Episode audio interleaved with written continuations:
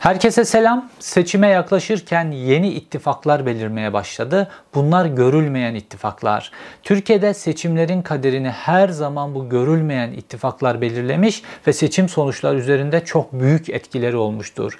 Bunlardan bir tanesinin de sinyalleri son günlerde apaçık ortaya çıkmaya başladı. Bugün videomuzda bu ittifakın ne olduğunu ve bu ittifaktaki ilk ipuçlarını ele almaya çalışacağız. Metin Feyzoğlu aileden, babadan, dededen ultra Atatürkçü, ultra layık bir ideolojiden gelen bir isim. Fakat Tayyip Erdoğan tarafından Kuzey Kıbrıs Türkiye Cumhuriyeti'ne büyükelçi olarak atandı. Şimdi bu Twitter'da tamamen yalakalık penceresi içerisinde yalakalık parantezinde komedi olarak böyle alaya alınarak tartışıldı. Fakat bu konu alaya alınacak bir konu değil. Bu bize çok önemli bir ittifakın ipucunu veriyor. Çünkü Tayyip Erdoğan bugün iktidardaysa eğer Metin Feyzoğlu ile birlikte kurdukları ittifak sayesinde bugün iktidarda ve şimdi bu ittifak ikinci ittifakını da daha kuruyor ve Metin Feyzoğlu da en kilit noktaya getirildi. Seçim sürecini belirleyecek en önemli ittifakın çok önemli bir ipucunu ele geçirmiş olduk. Peki bu ittifak neydi? Bu ittifak ne? Metin Feyzoğlu ile Tayyip Erdoğan ne zaman nasıl ittifak kurdu ve Tayyip Erdoğan bütün gücünü toparlayabildi? Bütün bunların detayları yeni ittifaka ilişkin bilgilerle yine bilgi dolu, yine dop dolu bir videoyla karşınızdayım.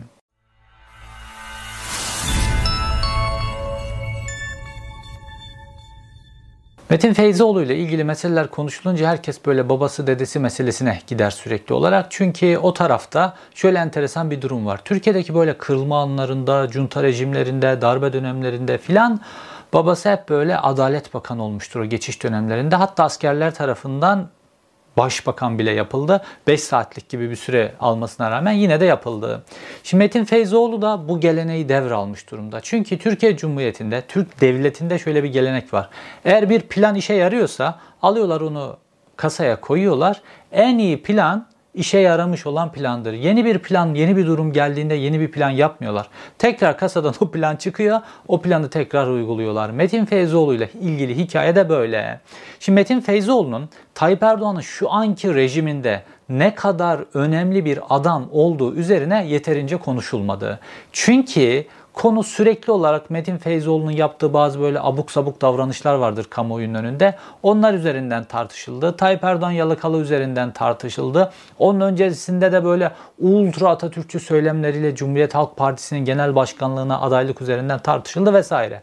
Fakat nasıl böyle cuntacı bir gelenekçi bir aileden gelen ultra Atatürkçü, ağzındaki iki kelimeden bir tanesi laiklik olan bir adam nasıl oldu da çok kritik bir zamanlamada Tayyip Erdoğan'la en önemli pazarlık masasının kurucusu oldu. Bunun üzerine yeterince konuşulmadı. Dediğim gibi konu hep magazin boyutunda kaldı. Fakat bugün Tayyip Erdoğan'la Metin Feyzoğlu'nun geçmişinin kapağını açacağız. Aynı zamanda şu an kurdukları ittifakın bizi nereye götüreceğine ilişkinde bazı konuları konuşacağız. Şimdi hadiseler 4 Ocak 2014'te başladı. O dönem Metin Feyzoğlu Türkiye Barolar Birliği Başkanı. O dönem avukat sıfatıyla Türkiye Barolar Birliği Başkanı. Ve 4 Ocak 2014'te ne var? 17-25 Aralık soruşturmaları var ya, Tayyip Erdoğan'ı en çok vuran tarihin en büyük yolsuzluk operasyonu. 17-25 Aralık'ta olmuş 2013 bir hafta sonra yeni yıla girmişiz ve 4 Ocak'ta Metin Feyzoğlu, Tayyip Erdoğan ve Abdullah Gül'le bir araya geldi. Ayrı ayrı görüşmeler yaptılar. Fakat Abdullah Gül görüşmesi çok önemli değil. Esas pazarlık Tayyip Erdoğan'la yapılıyor. Fakat Abdullah Gül de Cumhurbaşkanı olduğu için onun da oluru alınmış vaziyette. Ve Metin Feyzoğlu ile Türkiye Barolar Birliği Başkanı düşünün. Tayyip Erdoğan iki büyük yolsuzluk dalgasıyla vurulmuş. Oğlunun ismi sıfırlama tapeleriyle geçiyor. Dört bakanı istifa etmek zorunda kalmış vesaire. İnanılmaz sarsılıyor Tayyip Erdoğan. Her an iktidardan devrildi devrilecek. Medyada üzerine gidiyor. Odalardan çıkan para makineleri, İçişleri Bakanı Muammer Güler'in evinin oğlundan çıkan 8 tane çelik kasa içi tıka basa dolu para vesaire vesaire. Tayyip Erdoğan'ın evinin bodrumundan kamyonla taşıdığı paralar ona rağmen sıfırlayamadı. Bilal Erdoğan'ın ya baba yer tutuyor artık sıfırlayamıyoruz dediği paralar. Bu derece büyük bir skandal. Dünyanın neresinde olursa olsun bir iktidarı yıkacak bir skandal. Fakat Tayyip Erdoğan bu skandalla mücadele yöntemi olarak kendisini aklamak, yargı mekanizmasını işletmek ya da bir propaganda yürütmekten önce hemen haftasında Metin Feyzoğlu ile bir araya geliyor. Bu çok enteresan bir görüşme. İşte burada yeni bir ittifak kuruldu ve Tayyip Erdoğan'ı bugün Türkiye'nin tek adamı haline getiren ittifakın temeli o görüşmede atıldı. Şimdi size gün gün gün neler olduğunu anlatacağım. Bu ittifakın nasıl bir ittifak olduğunu ve memleketin başına nasıl belalar açtığını göreceksiniz ki şu an ikinci aşama ittifaklarına geçiyor. Başlamıza ne belalar gelecek onları da daha iyi anlayabilmeniz için. 4 Ocak 2014'te yolsuzluk operasyonundan bir hafta sonra Metin Feyzioğlu karşı tarafta Adalet Bakanı Bekir Bozdağ ve Tayyip Erdoğan oturuyorlar. Şu an Adalet Bakanı kim? Bekir Bozdağ. Yeni Adalet Bakanı oldu Bekir Bozdağ. Neden? Çünkü Tayyip Erdoğan'la birlikte Metin Feyzoğlu'la falan ikinci aşamaya geçiyorlar. Yine aynı adam geliyor. Dediğim gibi Türkiye'de devlet bir plan işe yaradıysa onu kasadan çıkarır. En iyi plan işe yarayan plandır. Yine aynı şey oluyor. Bekir Bozdağ şu an Adalet Bakanı, Metin Feyzoğlu Kuzey Kıbrıs Türk Cumhuriyeti'ne büyükelçi oldu. Neden orada oldu vesaire. Neyse dönelim 4 Ocak 2014'teki görüşmeye. Metin Feyzoğlu Bekir Bozdağ ve Tayyip Erdoğan'la görüştükten sonra Tayyip Erdoğan o zaman başbakan dışarıya çıkıyor ve şöyle bir açıklama yapıyor medyaya. Diyor ki Ergenekon ve balyoz sanıklarının dışarı çıkamalarıyla ilişkin bir reçete verdim. Ergenekon ve balyoz reçetesi verdim Tayyip Erdoğan'a diyor. 4 Ocak 2014'te. Bir gün sonra 5 Ocak 2014'te Tayyip Erdoğan medyaya diyor ki Ergenekon ve balyoz sanıklarının yeniden yargılanmaları bizim açımızdan bir sorun değil. Biz buna olumlu bakıyoruz. Tayyip Erdoğan ne demişti eskiden Ergenekon balyoz yargılanmalarında?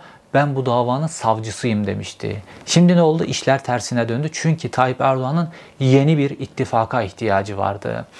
4 Ocak'ta Metin Feyzoğlu ile toplantı yapılıyor. 5 Ocak'ta bu gerçekleşiyor. Bir gün sonra 6 Ocak'ta Metin Feyzoğlu bu sefer Tayyip Erdoğan'la yaptığı pazarlıkla ilgili bütün notlarını eline alarak nerenin yolunu tutuyor? Silivri'nin yolunu tutuyor. Silivri cezaevine gidiyor. Orada görüştüğü kişiler 1.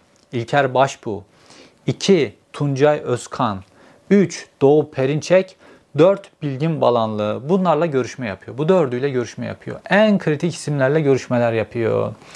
4 Ocak'ta Tayyip Erdoğan görüşmesi, 5 Ocak'ta Tayyip Erdoğan'ın verdiği Ergenekon balyoz sanıkları ile ilgili yeniden yargılanmaya ilişkin olumlu baktıklarına ilişkin mesaj, 6 Ocak'ta Silivri'de pazarlığın şekillendirilmesi ve burada pazarlık şekillendi. Tayyip Erdoğan'la Doğu Perinçek, İlker Başbuğ etrafındaki oluşan ittifak arasında bir pazarlık gerçekleşti. Müttefik kaldılar ve ondan sonra bazı adımların atılması gerekiyordu. Ondan sonra atılması gereken adımlara geçildi. Ve 7 Ocağı geliyoruz. Bir gün sonra 4, 5, 6, 7. 7 Ocağı geldiğimizde şöyle enteresan bir karar çıktı. Genelkurmay Askeri Mahkemesi'nden çıkan bir karar. Biliyorsunuz işte Uludere Roboski'de bir bombardıman gerçekleştirilmişti ve kaçakçılık yapan 33 tane köylü bu bombardımanda hayatlarını kaybettiler. Bununla ilgili Genelkurmay askeri savcılığında bir soruşturma yürütülüyordu ve bu soruşturmada ilk etapta iki tane tüm generalle ilgili soruşturma yürütülüyordu. Fakat soruşturmanın gelip dayanacağı nokta Hulusi Akar ve Yaşar Güler'di. Çünkü bu Roboski bombardımanında, Uludere bombardımanında nihai kararı veren iki kişi Yaşar Güler ve Hulusi Akar. Yani Genelkurmay yürüttüğü soruşturma ikisinin de kariyerini bitirecek, TSK'daki kariyerlerini bitirecek bir noktaya doğru gidecekti. Ve 7 Ocak'ta Genelkurmay Askeri Mahkemesi Hulusi Akar ve Yaşar Güler'e doğru ilerleyecek bu soruşturmayı kapattı. Dedi ki Genelkurmay Başkanlığı'nın emriyle bu karar verilmiştir noktasında bir karar verdi ve soruşturmayı kapattı. Soruşturma kapatıldıktan sonra Hulusi Akar'la Yaşar Güler'in önü Genelkurmay Başkanlığı'na doğru otoban gibi açıldı. Ve nihayetinde o iki isim şu an Tayyip Erdoğan'la birlikte Türkiye'nin en kilit iki ismi. Hulusi Akar Milli Savunma Bakanı, Yaşar Güler şu anda Genelkurmay Başkanı ve Yaşar Güler'in Genelkurmay Başkanlığı'nı uzatılması için yasal düzenlemeler falan falan da yapıldı. Dolayısıyla Tayyip Erdoğan için vazgeçilmez iki tane adam. Bunların ikisi ve 15 Temmuz'un iki büyük kahramanı bu adamlar. 15 Temmuz'a rağmen görevde tutulmuş adamlar ve 15 Temmuz'dan sonra daha da kuvvetlerine kuvvet katmış rejimin en kilit isimlerinden olmuş adamlar. Pazarlığın bütün aşamaları tamamlandı. 15 Temmuz'un yıldız olacak adamlar 7 Ocak'ta e, aklanmış oldular. Onun öncesinde de Ergenekon balyoz sanıklarıyla ilgili de pazarlık tamamlanmış oldu. Yeni bir ittifak kuruluyor. Hemen geliyoruz kısa süre sonrasına. 7 Mart'ta hemen bu pazarlıktan sonra İlker Başbuğ başvurular yapmaya başladı. Önce İlker Başbuğ üzerinden adım atmaya başladılar. İlker Başbuğ cezaevinden tahliye olmak için başvurular yaptı filan. Mahkeme o başvuruyu reddetti vesaire. Sonuçta Anayasa Mahkemesi kararı vesaire derken İlker Başbuğ 7 Mart'ta tahliye oldu. İlker Başbuğ'un tahliyesinden hemen sonra İlker Başbuğ'un tahliyesiyle ilgili bu karar bir emsale dönüştü ve cezaevinde tutuklu bulunan ilk etapta 33 tane Ergenekon sanığı vardı tutuklu. Bu 33 tutuklu Ergenekon sanığı tahliye oldu ve Ergenekon davasından tutuklu sanık kalmamış oldu. Sonra bunu da Balyoz davası izledi. Artık ittifak kuruldu. Metin Feyzoğlu Tayyip Erdoğan'ı ziyaret etti. Doğu Perinçek ve İlker Başbuğ ziyaret etti. Pazarlık konusunda anlaşma sağladılar. Sonra hepsi tahliye oldu. Yargıda gerekli ayarlamalar yapıldı. Tayinler, mayinler o işlerin hepsini Bekir Bozdağ halletti zaten. Ondan sonra yargı mekanizmasını tamamen ele almakla ilgili bir adım noktasına geldi. Burada da Metin Feyzoğlu en kilit adamdı. Çünkü Metin Feyzoğlu içinden geldiği Atatürkçü yargıçları, Atatürkçü savcıları ikna etmek ve onunla birlikte işte yargıdaki çeşitli fraksiyonlar, ülkücü fraksiyonlar, Alevi fraksiyonlar vesaire bunların hepsini ikna etmekle ilgili kilit roldeydi. O süreçte Tayyip Erdoğan'ın elinde böyle başka önemli bir isim yoktu ve Metin Feyzoğlu'yla Bekir Bozdağ kafa kafaya verip yeni bir plan ortaya çıkardılar. Yargının şekillendirilmesi çok önemliydi. Çünkü Tayyip Erdoğan yargı üzerinden kendi iktidarının yıpratabileceğini biliyordu. Çünkü çok fazla yolsuzluğun, çok fazla usulsüzlüğün, çok fazla kanunsuzluğun içindeydi. Ve 17-25 Aralık sürecinden sonra ve Gezi Parkı sürecinden sonra yani 2013 içerisindeki bu iki olaydan sonra Tayyip Erdoğan'ın kanunsuzlukları inanılmaz derecede artmıştı. Dolayısıyla yargı kalkanına ihtiyacı vardı Tayyip Erdoğan'ın ve Metin Feyzoğlu biz sana bu kalkanı veririz dediler. Metin Feyzoğlu ve onun temsil ettiği çevre biz sana bu kalkanı veririz dediler. Çünkü Tayyip Erdoğan tek başına Hakimler ve Savcılar Yüksek Kurulu'nda yapılacak seçimi kazanma ihtimali yoktu. Bu seçim yapıldığında HSYK'nın kurulu bu seçimle oluşuyordu ve ondan sonra hakim, savcı atamaları, görevlendirmeleri vesaire kurul karar verdiği için Tayyip Erdoğan yargıyla sürekli cebelleşmek zorundaydı ve bu yolsuzluklarının ortaya çıkartılmasını engelleyemezdi Tayyip Erdoğan. Fakat HSYK ile geçirildiğinde Tayyip Erdoğan için tamamen yargı kalkanı oluşacaktı. İşte orada yine bir formül ortaya çıktı. Bu formül neydi? Sulh ceza hakimlikleri.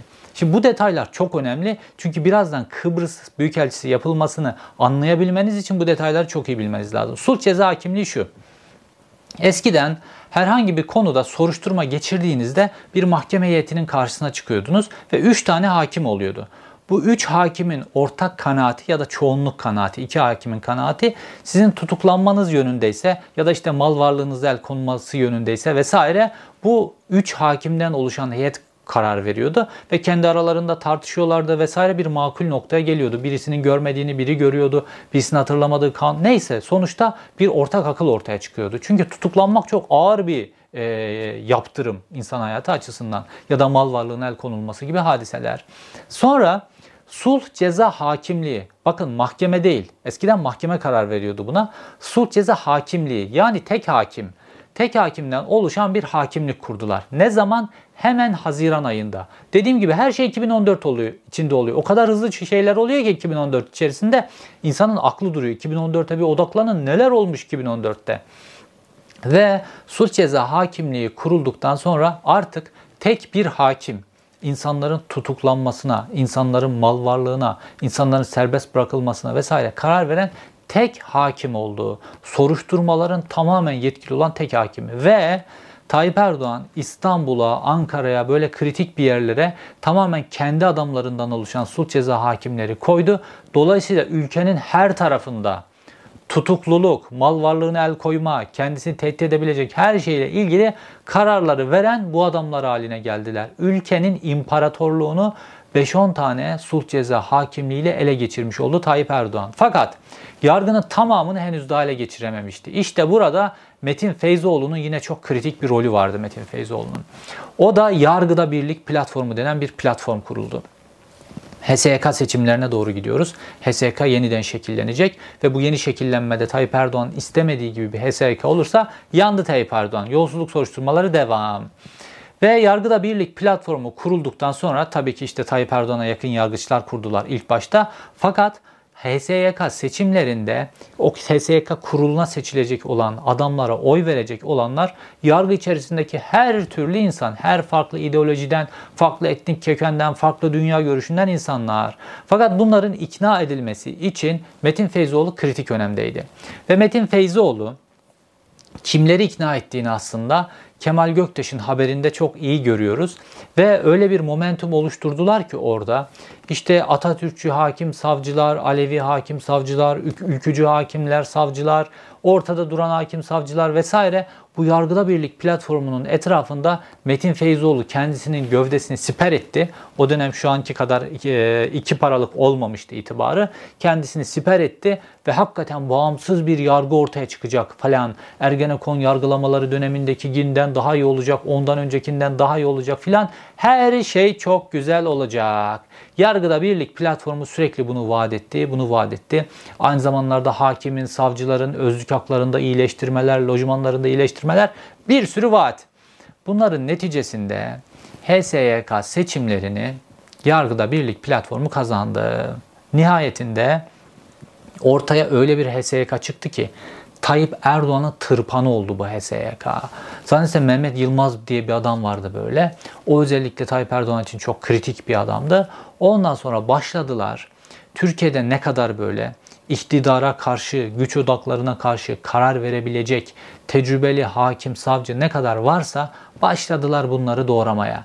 Bu hakim savcıların kimisini atadılar ücra köşelere, kimisini önemsiz mahkemelere verdiler. Savcılarda değişiklik yaptılar. Tayyip Erdoğan'ın ne kadar fanatik adamları varsa onları önemli savcılıklara getirdiler. Terörle mücadele savcılığı, memur suçları savcılığı vesaire bunların hepsini özellikle ellerine geçirdiler. Ve yargı tamamen kılçıksız kemik gibi Tayyip Erdoğan'ın eline geçti. Ve tabii ki Doğu Perinçek'in eline. Ne diyordu Doğu Perinçek o dönem? Yargı altın çağını yaşıyor. Yargının altın çağını yaşadığı dönem başladı. Ondan sonra tek bir adım kalmıştı. Artık önemsiz mahkemelere attıkları hakim savcıları böyle 4-5 bin tane hakim savcı vardı toplamda. Onları tamamen meslekten çıkarmak. Yani hiç devran değişirse de onlar göreve gelmesinler falan diye meslekten çıkarmak. Zaten onunla ilgili de 15 Temmuz'da istedikleri oldu ve 15 Temmuz'da düşünün 15 Temmuz'da hareketlenme oldu. Hareketlenmeden sonra ne yapmanız lazım? hükümetin vereceği ilk karar işte bazı e, generallerin, bazı amirallerin, bazı belki albayların vesaire bunların görevden alınması olması lazım değil mi? Mesela en başta Genelkurmay Başkanı'nın. Yo böyle değil. İlk verdikleri karar bu hakim savcıların görevden alınması oldu. İlk karar o gece daha, o gecenin sıcağında ellerinde listeler var. 5000 tane hakim savcıyı görevden aldılar. Ertesi günde kitleler halinde bunların hepsini gözaltına alıp cezaevlerine doldurdular. Ve Metin Feyzoğlu Tayyip Erdoğan ittifakı böylece oturdu. Ondan sonra bugüne geldik. Türkiye'nin bugününe geldik. Türkiye'de rejim değişti. Cumhurbaşkanlığı sistemine geçtik. Tayyip Erdoğan tek adam oldu. Yargıda, e, akademide, Türkiye'nin her tarafında çok önemli değişiklikler oldu. Fakat Metin Feyzoğlu bundan çok memnun. Çok ilginç değil mi? Normalde baktığımızda işte böyle laiklik kelimesini ağzından düşürmeyen, yaşam tarzı kelimesini geçmişte ağzından düşürmeyen, böyle hep sürekli olarak Atatürkçü duran bir adam Fakat Tayyip Erdoğan'la birlikte çalışıyor. Tayyip Erdoğan rejimini hiç eleştirmiyor. Çünkü bir tane kale kalmıştı. O kale ne? Avukatlar Kalesi. Şimdi hakimler, savcılar onlar iktidarın kulu kölesi haline getirilmiş olsalar bile avukatlar mahkeme salonlarında en azından olayı kayda geçirirlerse, mücadele ederlerse sonuçta karşılarındaki hakim savcılar da insan etkili olabiliyorlardı. İşte burada avukatların da kolunun yani savunma kanadının da kolunun kanadının kırılması gerekiyordu. Bu da nereden örnek alıyorlar? Yine kasadan çıkartıyorlar. Söylüyorum ya devlet işe yarayan planı kasadan çıkartıyor. Bunu da işte Tunceli Dersim'deki olaylardan çıkartıyorlar. O zaman ne yapmışlardı? İşte Seyit Rızalar vesaire olmayan isyanın liderleri filan diye gösterilen kişilere savunma hakkı vermemişlerdi. Ne nasıldı biliyor musunuz yargılama? Kişiler haklarındaki iddianameyi bile görme hakları yoktu. Adam yargılandığı iddianameyi görmeden savunma yapmak durumunda kalıyordu. Yani savunma yapamıyordu. Avukat filan zaten yok. Savunma yapamıyor. Dolayısıyla mahkum olup idam ediliyordu ya da yıllarını cezaevinde geçiriyordu. Dersim'de bu yöntemi kullandılar. Savunmayı da yok etmeniz lazım ki hiçbir şey kayıtlara da geçmesin. Nesiller sonra da bunu göremesinler vesaire.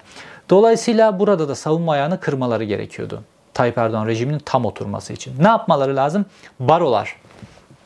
Metin Feyzoğlu'nun özellikle işte e, bu yargıda birlik platformu e, yargıda seçimleri kazandıktan sonra bütün hakimler, savcılar gördüler ki ya bu yargıda birlik platformunun oluşturduğu HSK eskiyi de aratıyor. Eskiden de beter. Dolayısıyla homurtular başladı yargıda. Homurtuların başlamasıyla birlikte faturanın ilk kesildiği adamlardan bir tanesi de Metin Feyzoğlu.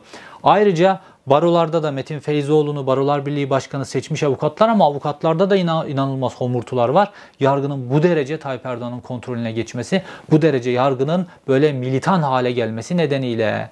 Ondan sonra Metin Feyzoğlu'nun koltuğu tehlikeye girdi mi? Ama Tayyip Erdoğan için çok önemli kilit bir pozisyonda ittifakları kurmak açısından. O zaman ne formülle geldi Metin Feyzoğlu Tayyip Erdoğan'ın karşısına? Çoklu baro formülü. Ne yapacaklar?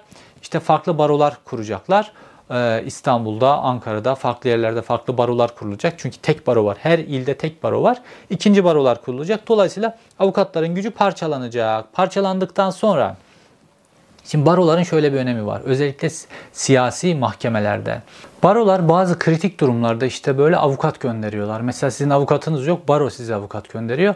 Orada baronun kimi seçeceği son derece önemli. Seçeceği baronun göndereceği avukat son derece önemli. Aynı şekilde barolar bazı böyle önemli davalarda avukat heyeti oluşturuyorlar. Avukat heyeti gidiyor orada inceleme yapılıyor. Mesela işkence yapılmış mı, orada bir hak ihlali yapılmış mı, yargılamada bazı dümenler dönmüş mü filan cezaevine gidip işte tutuklu olan kişilerle görüşüyorlar ya da cezaevi dışındaysa onunla görüşüyorlar filan. O baroların oluşturduğu raporlar vesaire çok önemli. Özellikle siyasi davalarda baroların rolü son derece önemli.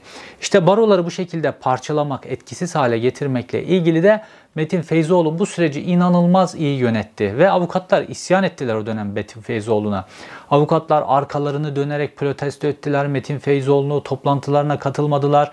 Metin Feyzoğlu'nu Barolar Birliği Başkanlığından devirebilmek, olağanüstü genel kurula gidebilmek için yeterli imza topladılar.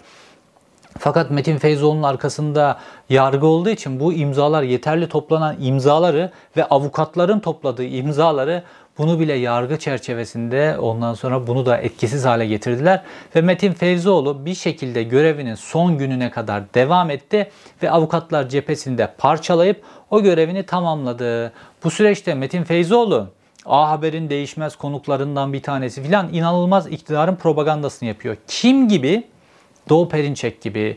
Çünkü Tayyip Erdoğan'la ittifakı birlikte kurdular.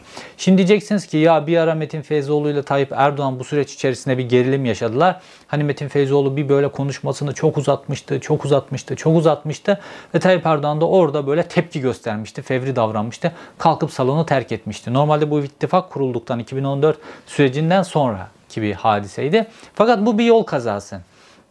Tayyip Erdoğan bazen böyle fevri tepkileri verebilir. Mesela işte One Minute'de bir tepki vermişti. Ondan sonra çıktı dedi ki ya İsrail Cumhurbaşkanı'na değildi benim bu tepkim, moderatöreydi benim tepkim gibi.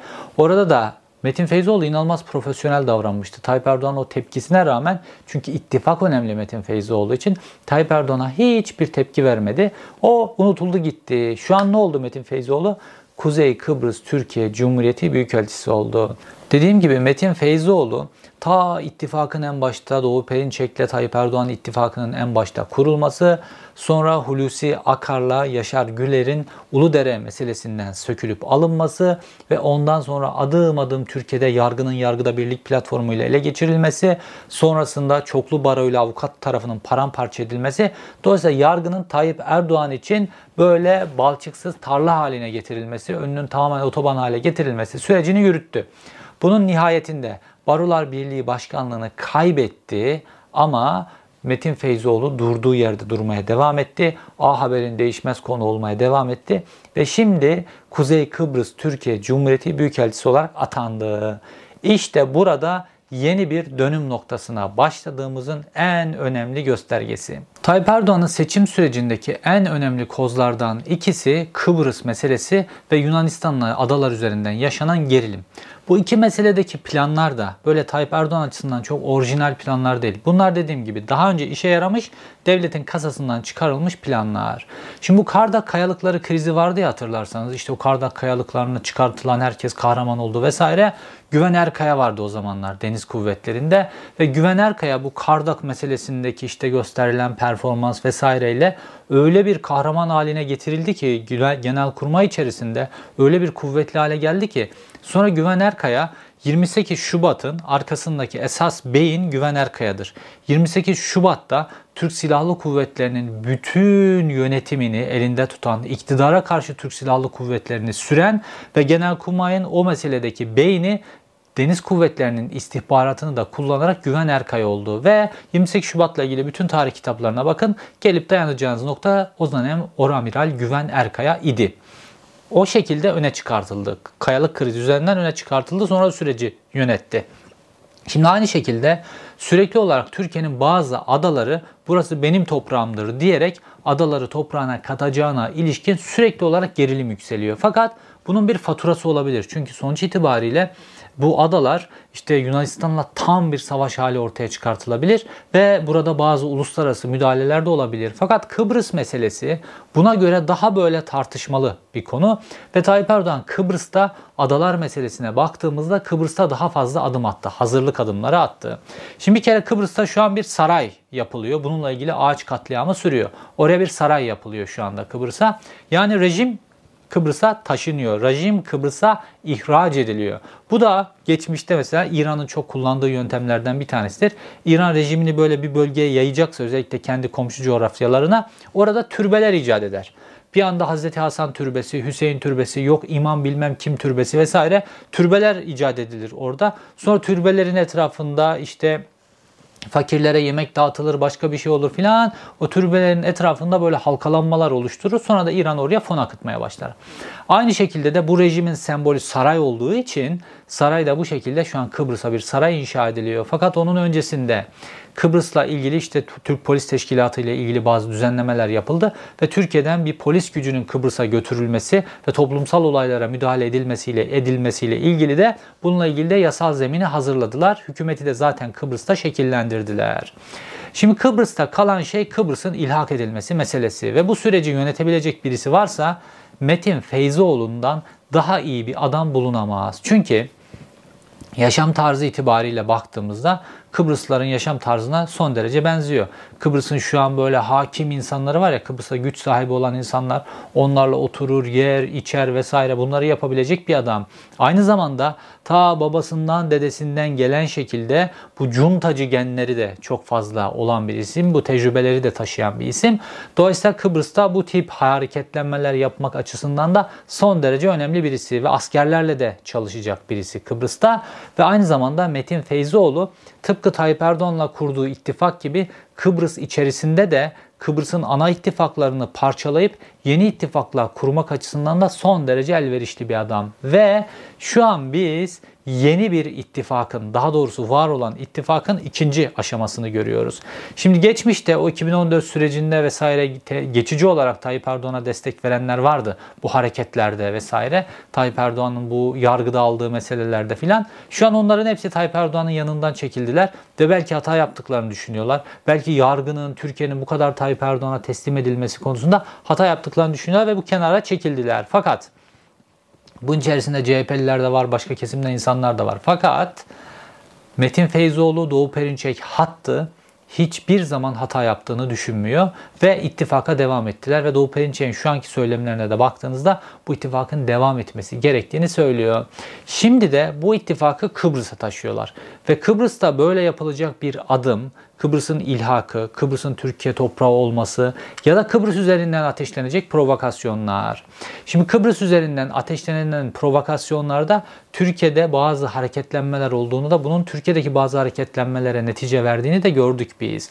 Mesela geçmişte Kıbrıs üzerinden yaşanan provokasyonlar daha sonra İstanbul'a taştı. İşte meşhur İstanbul'daki 6-7 Eylül olayları Menderes'in milliyetçiliği yükselterek iktidarda kalma planının parçasıydı ve İngiltere ile de birlikte kotarılmıştı bu plan ve Kıbrıs'taki gerilim İngiltere ile de birlikte yükseltilmişti. Sonra Türkiye'ye taşındı fakat e, Menderes'in hiç ummadığı neticelere gitti. Sonra neyse konu farklı bir konu.